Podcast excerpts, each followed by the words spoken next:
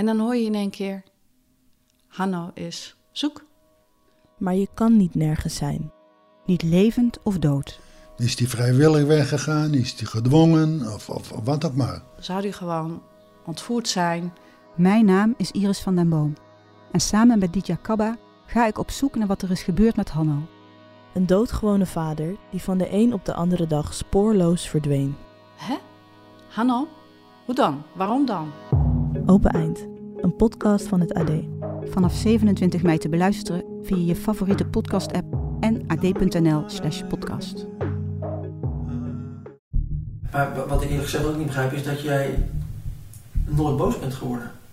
Om boos te zijn, heb ik altijd gezegd, moet je ze iets zeker weten. Jij bedoelt dat ik boos op Mark moet worden? Nou, bijvoorbeeld, maar ook in de rechtszaal. En ook tijdens het moment dat je een half jaar vast wordt gezet en je zelf overtuigd bent van ik zit hier van Jan. ja maar als ik boos... Ik ben depressief door geworden, verdrietig door geworden. Ja, maar dan trek je Boos. jezelf. Ja, maar dus, zo ben ik. Blijkbaar ben- zijn mijn ehm, wegen niet zo helder geweest dat het duidelijk was. Ja, kan- waarom denken ze dat ik het gedaan heb?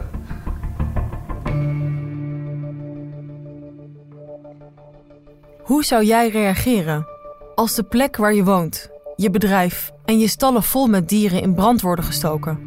En jij het vervolgens bent die door de politie in de boeien wordt geslagen? Je bent er zelf heilig van overtuigd dat je er niks mee te maken hebt, maar je belandt twee keer in de cel.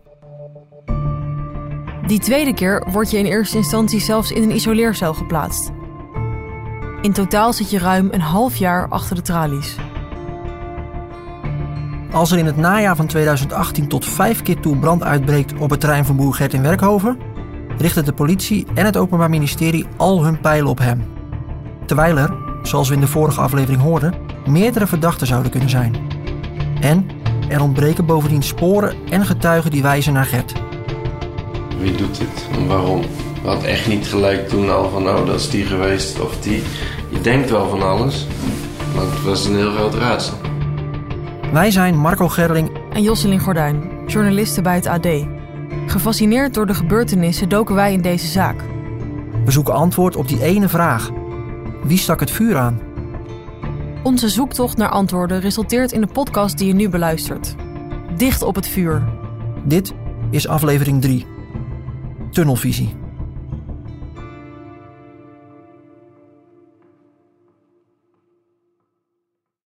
De man die je net hoorde is brandboer Gert Snitselaar zelf. De boer over wie we het in voorgaande afleveringen al zo vaak gehad hebben. In deze aflevering komt hij aan het woord. Eindelijk kunnen we zeggen, want we wilden hem vanaf het begin af aan natuurlijk graag spreken. Maar eerst een stap terug. We zijn inmiddels een paar maanden bezig met ons onderzoek. De tijd is aangebroken waarin onze dromen regelmatig worden gedomineerd door de hoofdpersonen van de gebeurtenissen. We sturen elkaar nachtelijke gedachten door via de mail of de app. Ons lijstje van mensen die we willen spreken breidt alleen maar verder uit. En dus rijden we iedere week door Nederland, onze stroom aan vragen achterna.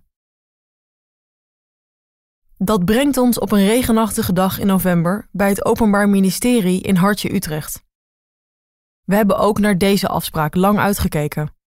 De vragen voor het OM, zoals we het in jargon noemen, stapelden zich op. Want waarom ging het politieonderzoek dat onder hun leiding stond zoals het ging? Waarom werd er niet meer onderzoek gedaan naar andere mogelijke verdachten dan Gert? De verwachtingen zijn hoog als we de goed beveiligde hoge toren vlakbij Utrecht Centraal binnenstappen. Hier hebben we een afspraak met Bart Nietrouw. Hij is een officier van justitie die namens het Openbaar Ministerie Midden-Nederland de pers te woord staat.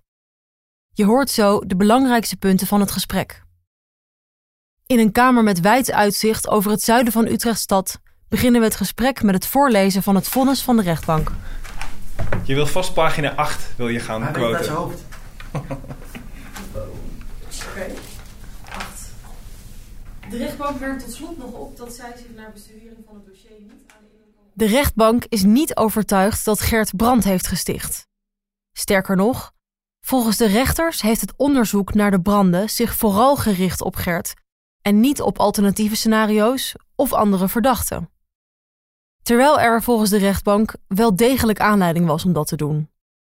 Daarmee zijn zaken die Gert juist vrij pleiten mogelijk niet in beeld gekomen. En dat past niet bij wat het doel van het onderzoek zou moeten zijn: waarheidsvinding. Ja, dit lees je niet eh, elke dag in een eh, vonnis. En exact dat hebben we ook vaak gehoord. Ja. Ja. Wat vinden jullie daarvan, wat daar staat? Eh, De rechtbank moet het doen met het dossier. En de rechtbank heeft dat dossier gelezen. En die hebben deze conclusie getrokken. Nou ja, ehm, de- eh, die conclusie die staat. En dan kom je natuurlijk meteen ook hè, op het woordje eh, tunnelvisie, denk ik. Dat is ook wel niet gevallen. Dat is ongeveer wat Ja. er staat. Ja. Ja, in een opsporingsonderzoek ben je niet maandenlang bezig met alleen maar een soort van eh, net uitgooien met informatie verzamelen. Je moet die informatie moet je duiden en je moet een opsporingsonderzoek moet je richten. Dat is omdat je anders knettergek wordt van alle informatie. Hè? Je moet iets met die informatie. En de capaciteit is niet oneindig. Het is niet zo dat we een blik hebben van 200 rechercheurs die elk steentje kunnen omkeren. Dus in elk opsporingsonderzoek heb je te maken met dat je moet richten. Dus ja, je kiest op een gegeven moment voor een verdachte. Je kan natuurlijk bepaalde mensen hebben waarvan je zou denken: Goh, dat is ook opmerkelijk. Heeft die er misschien iets mee te maken? Heeft die er misschien iets mee te maken?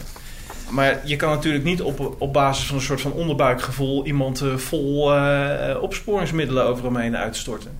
Er zijn gewoon eisen. Wanneer is iemand wel een verdachte, wanneer is iemand niet een verdachte? Als iemand geen verdachte is, dan kan ik niet zijn huis verzoeken, zijn telefoon tappen of allerlei andere opsporingsmiddelen inzetten. Wat denk ik een goed iets is, want anders zouden we in een politiestaat leven. Dus het is, deels heeft het te maken met richten, deels heeft het ook gewoon te maken met zijn er voldoende concrete feiten en omstandigheden om iemand als verdachte aan te merken. En eh, soms zijn zaken vreselijk lastig omdat je inderdaad, eh, hè, als je het over brandstichting hebt... je betrapt iemand met een lucifer en, eh en een jerrycan met benzine in zijn hand... ja, dan hoef je niet zo lang te discussiëren. Kijk, als je kijkt naar de opbouw van het requisitoor... en daartegenover de opbouw van, ehm, van het vonnis... dan heeft de rechtbank gezegd... wij zien eigenlijk bij elke brand zien wij ruimte... voor een ander die het gedaan zou kunnen hebben. Ja. Ja, en dat, is, dat, dat kan je inderdaad zo stellen. En de stelling van het OM is geweest... wij zien, hij is er elke keer... en er is gekeken naar derden. Ja, die vinden we niet. Nou heb je natuurlijk soms ook wel een idee... dat iemand mogelijk een verdachte is... en ga je een beetje kijken of je daar in de buurt kan komen. Strafrechtelijk onderzoek doe je eh, naar verdachten.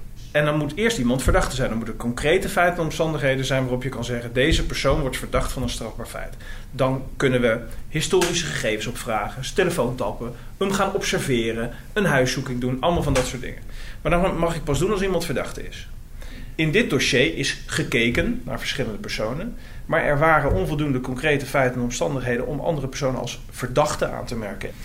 En ik, kan me voorstellen dat je, zeg maar, gewoon in de, de dagelijkse taal, dat mensen denken, ja, dat is toch wel verdacht. Wat die heeft gezegd. Of wat die, hè, dat zijn toch wel dingen, eh, daar moet je wat mee. Ja, dat is allemaal leuk en aardig. Maar er zijn gewoon regels hoe je opsporingsonderzoek moet doen. Als we na het gesprek de hoge toren weer verlaten, regent het nog harder dan toen we naar binnen gingen. Eerlijk, wij hadden meer van dit gesprek verwacht. De persofficier heeft een aantal zaken heus goed uitgelegd. We hebben alle vragen kunnen stellen die we wilden stellen en we hebben ook op alle vragen antwoord gekregen. Maar niet alle antwoorden waren wat ons betreft bevredigend. Want waarom zag het OM nou precies te weinig aanleiding om nieuw of aanvullend onderzoek te doen naar andere verdachten? De uitleg dat ze daar geen aanleiding voor zagen is kort door de bocht, afgaande op wat rechercheur Roy Akker, beveiliger Zoontjens en de advocaat van Gert ons vertelden. Zij zetten juist veel vraagtekens bij mensen uit de omgeving van Gert en geven daar duidelijke redenen toe. Kijk naar de opmerkelijke uitspraak van de rechtbank, waarin ze het onderzoek als eenzijdig typeren. En kijk naar de beslissing van nota bene het OM zelf om het hoger beroep tegen Gert niet door te zetten. Terwijl ze eerder toch zo overtuigd waren van de schuld van Gert. Dat spreekt hun uitleg behoorlijk tegen. Voor ons is er mede hierom reden genoeg om verder te zoeken naar mensen om hem heen. Maar voor we dat gaan doen, willen we eerst met Gert zelf in gesprek. De tijd is aangebroken dat we de man ontmoeten waar het allemaal om draait. De man die door de politie en het Openbaar Ministerie als enige verdachte in de zaak rond de boerderijbranden werd gezien. Hij zat een half jaar in de cel, maar uiteindelijk volgde vrijspraak voor brandstichting. Voor het eerst doet Gert uitgebreid zijn verhaal. Via zijn ex-vrouw Patricia maken we na diverse gesprekken waarin we uitleggen waar we mee bezig zijn een afspraak. We zullen zowel haar als Gert ontmoeten en zijn welkom in hun dorp in de provincie Utrecht. Heel benieuwd naar deze avond bereiden we dit interview uitgebreid voor. Uiteindelijk parkeren we om de hoek bij de woning en in een verder donker en stil dorp lopen we richting de straat. Daar parkeert op dat moment ook net een andere auto. Zullen we die kant op lopen? Ja, laten we doen. Ben je aan het opnemen of niet? Zeker. Oké, dus oké. Het is deze kant. Ja, het is deze kant hier. We weten dus dat dit de woning is van Patricia en we weten niet waar Gert zelf woont. Zal dit Gert zelf zijn? Ik gok hier ook in de buurt. Nee, het is de... Of de, was me dat net gewoon misschien? Dat zou kunnen. Wat gaan we nu doen? Ja, interessant. Wat Ja. wel. Als we aankloppen op de deur, bellen durven we niet omdat de kinderen vast slapen, doet Patricia open.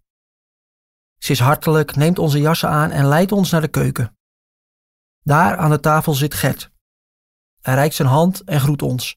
Het is inderdaad de man die we zojuist al op straat in het donker tegenkwamen. We nemen plaats tegenover hen. Josselin tegenover Gert, ik tegenover Patricia. Bijzonder wel om hier zo te zitten. Van het drama dat rond deze twee mensen gespeeld heeft, is op het eerste gezicht niets te zien. Zij schenkt koffie in kopjes met koeien erop, waarna het gesprek wat stroefjes op gang komt. We kijken naar Gert. Ik had hem al eens gezien tijdens zijn strafzaak. Josselin kent hem alleen van rechtbanktekeningen waarop hij eruit zag als een magere man met sluikbruin haar. Hij lijkt in niks meer op die tekeningen. Gert heeft een stoppelbaardje, een voller gezicht en hooikleurig haar. We leggen Gert uit wat we aan het doen zijn en waar we benieuwd naar zijn. Hij luistert aandachtig en begint te vertellen, af en toe aangevuld door zijn ex-vrouw. Zij wil liever niet in de podcast te horen zijn. Ja. Jij wilde bij het begin beginnen. Ja, wat is het begin? Dat was de, dat was de kleine Gert. Dat denk ik ook. Je, Gert, jij komt niet uit een, een boerengezin. Je komt niet, jouw ouders zijn geen eh, agrariërs. Nee, niemand in de familie. En toen dacht jij, ik word boer. Ja. Ik wilde altijd behoorden, maar... In anderhalf uur tijd vertelt Gert bijna zonder onderbreking over zijn jeugd. Over hoe hij opgroeide in een streng christelijk gezin met tien kinderen en dus een tweelingzus heeft.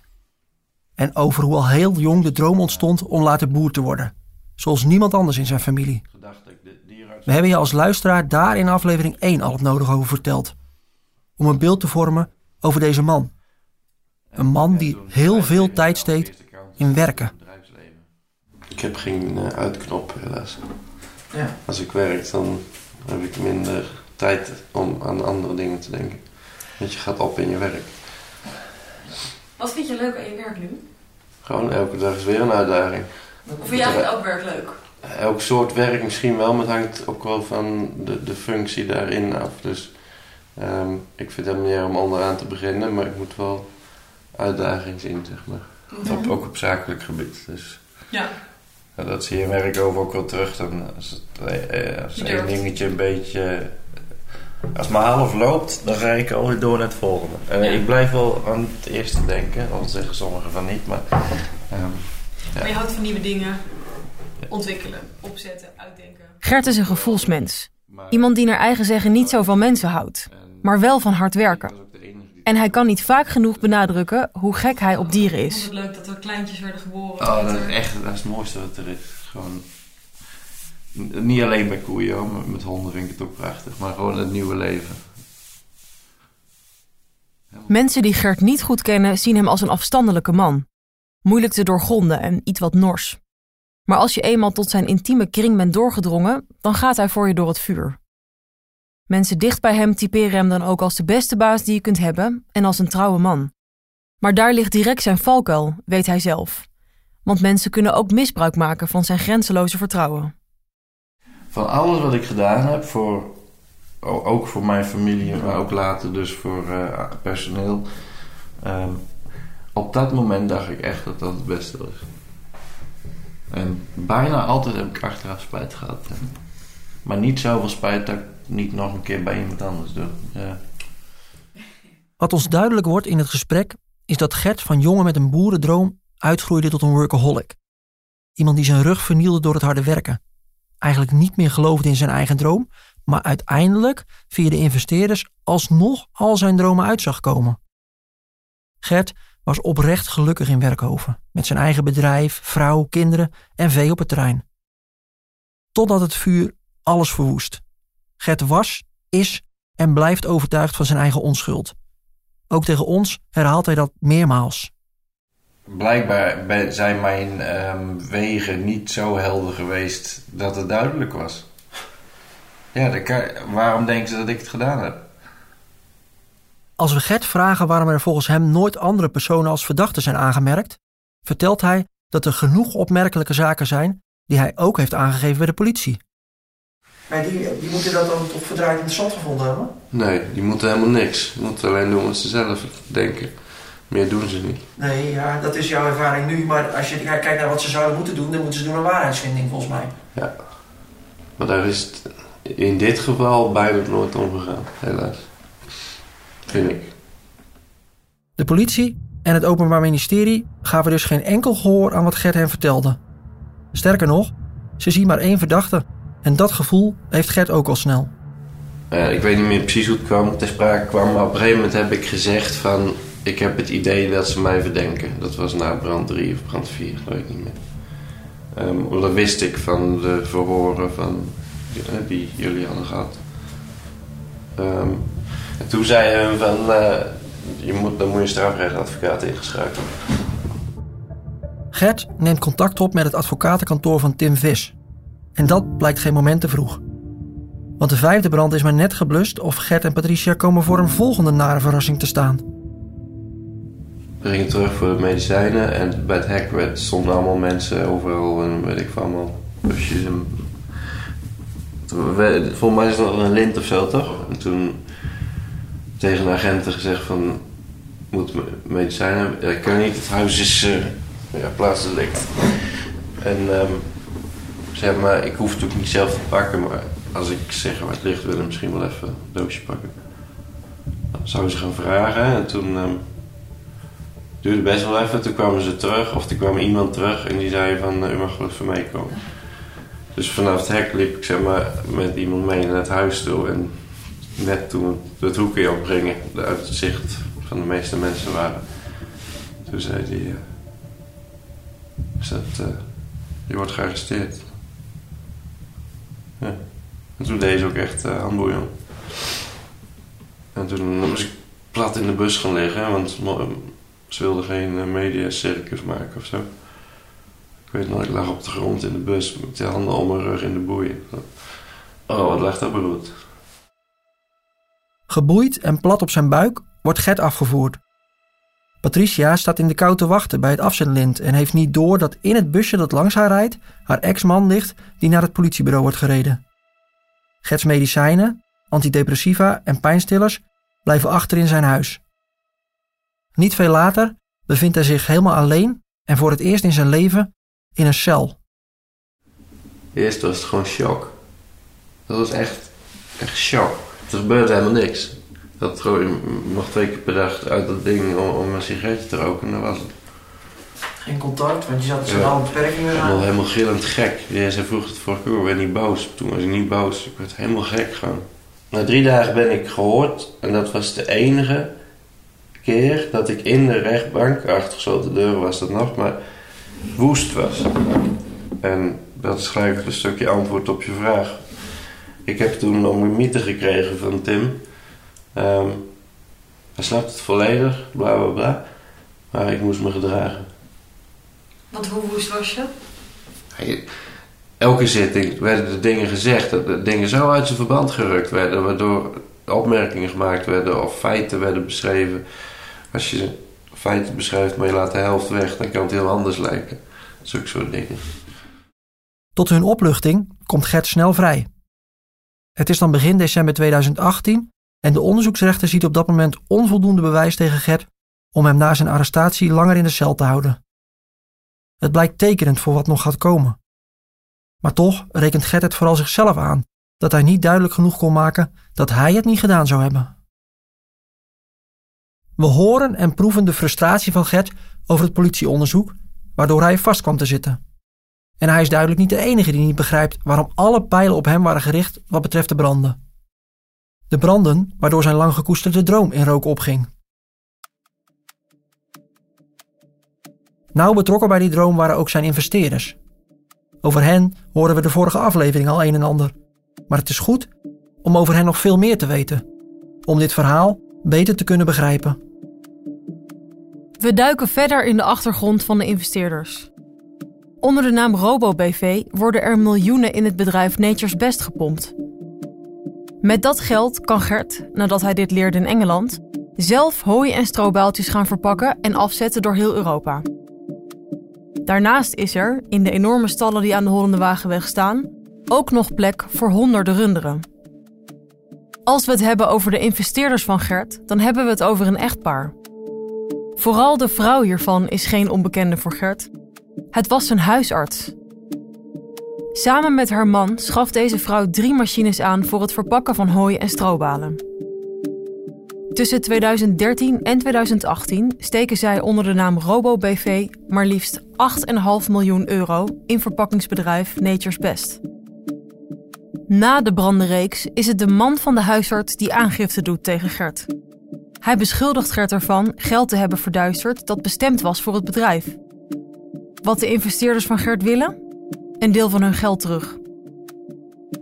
Of het nou creatief boekhouden was, een enorm slordige administratie, domme pech of opzet, hierover loopt nog steeds een rechtszaak.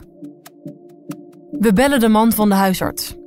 Maar hij zegt niet met ons in gesprek te willen en niet te horen te willen zijn in de podcast, vooral vanwege deze nog lopende rechtszaak. Goed, nu we weten wie de investeerders zijn, kunnen we deze ook beter plaatsen in het gesprek met Gert en Patricia. We vragen Gert naar het effect op zijn relatie met de huisarts, de investeerder achter Nature's Best dus, na deze branden en de verdenkingen van de politie richting hem. Geloofde zij hem nog? En met haar ging het toen nog wel. En hebben ze jou wel eens gevraagd, eh, heb je het gedaan? Ja, ja. En toen heb je gewoon gezegd, nee, het is niet zo. Heel vaak. De dokter heeft heel vaak gevraagd. Ehm, Grappig dat je steeds de dokter zegt. Ja. ja. Ja, dat is, dat is leuk. Zeggen, zeggen jullie, noemen jullie haar zo tegen elkaar? Ja. Dokter Mobiel stond er als ze belde. Oh. Ehm,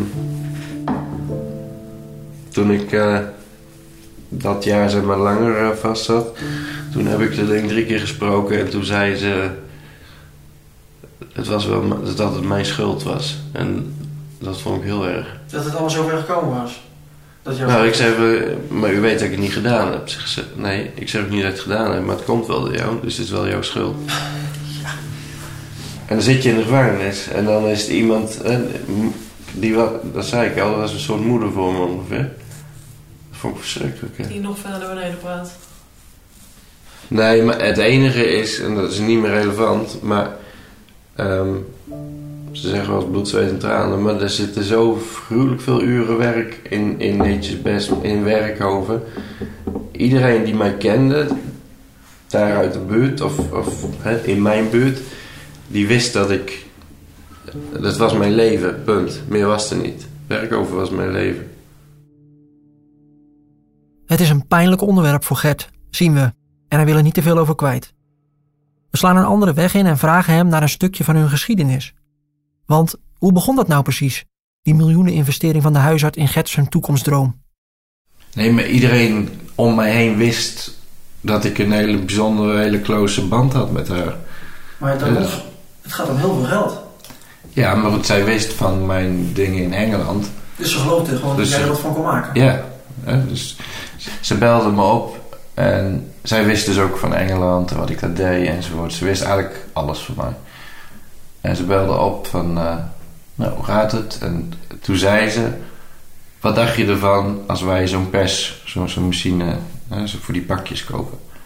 En ik begon een beetje te lachen, want ik zei, ja, dat is heel leuk. Hè? weet je wel wat zo'n ding kost? En ze zei, nee, dat weet ik niet. Ze zei, maar stap maar in de auto, rij maar naar La Place. Ja, en ik oh, bof ik even met zo'n huis uit. Ja, nee, maar ik was er echt, ik was heel blij. Het is donderdagavond, kwart voor twaalf. Ehm, en een half uur geleden ongeveer zijn wij, eh, Marco en ik, allebei weggereden vanuit de plaats waar ehm, we het interview hebben gehad met Gert en Patricia. Ik ga nu proberen mijn gedachten even te ordenen over deze avond. Eh, het was een kleine half uur rijden naar huis. En ik heb net de auto geparkeerd, zit er nog in. En ik merk nu pas hoe verkrampt ik heb gezeten de afgelopen half uur, bijna half uur. Omdat het gewoon. Wat een verhaal is dit zeg. En ik pak even mijn notitieblok erbij. Op het moment dat hij over zijn dieren gaat praten en over zijn droom, dan zie je zijn gezicht verzachten. Die, die duidelijke ommekeer in, in zijn gelaatstrekken, dat, dat, dat vond ik wel heel verbazingwekkend. Ik heb hier een lijstje opgeschreven. Wat ik, wat ik, wat ik dacht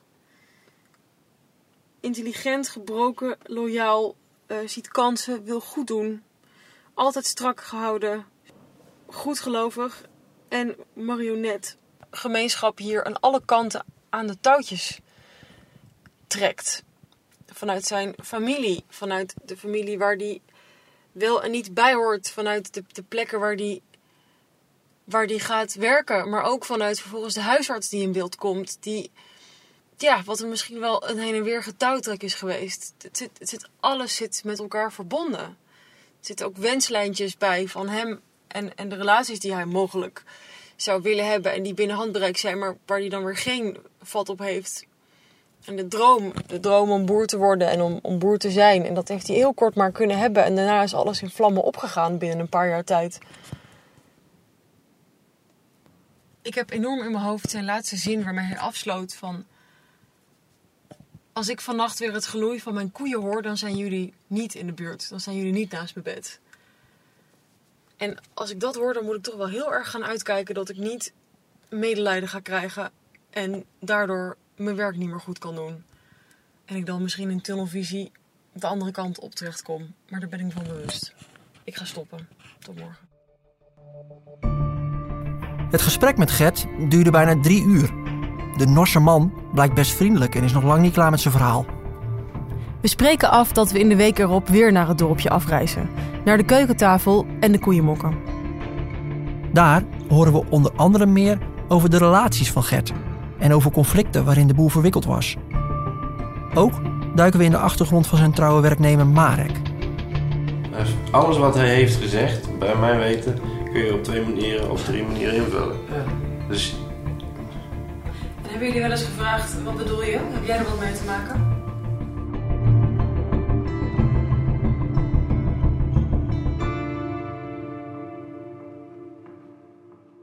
Dit is een productie van AD Utrecht Nieuwsblad, het AD en de aangesloten regionale dagbladen. Deze podcast is gemaakt door Josselin Gordijn en Marco Gerling. Montage, sounddesign en compositie is gedaan door Daniel de Boy. Eindredactie Peter Koop en Kevin Goes. Het artwork is van Mark Rijntjes. Content management werd gedaan door Kelly de Jong en projectmanagement door Claudia van der Erven. Wil je meer podcasts van het AD horen? Ga dan naar ad.nl/slash podcast. Ken je Richard de Mos? Die ooit zo'n succesvolle Haagse wethouder die alweer jarenlang als corruptieverdachte door het leven gaat? Binnenkort begint de rechtszaak. De media spreekt over de grootste corruptiezaak die Nederland ooit gekend heeft. In de podcastserie OO de Mos onderzoek ik, Niels Klaassen, de methode de Mos. Dan haalt hij het op en dan zeggen ze cliëntisme. Ja, wat moet hij dan? Wat moet hij dan? Ik sprak aanhangers, critici, de Mos zelf en probeer antwoord te geven op de vraag welke belangen hij nu werkelijk dient. Netwerkcorruptie. Daar geloof ik niet in naïviteit eerlijk gezegd. Die van zijn 30.000 kiezers of toch vooral die van een handvol rijke ondernemers die de partijkas spekken. Beluister vanaf nu OO de Mos via ad.nl slash podcasts of in je favoriete podcast app.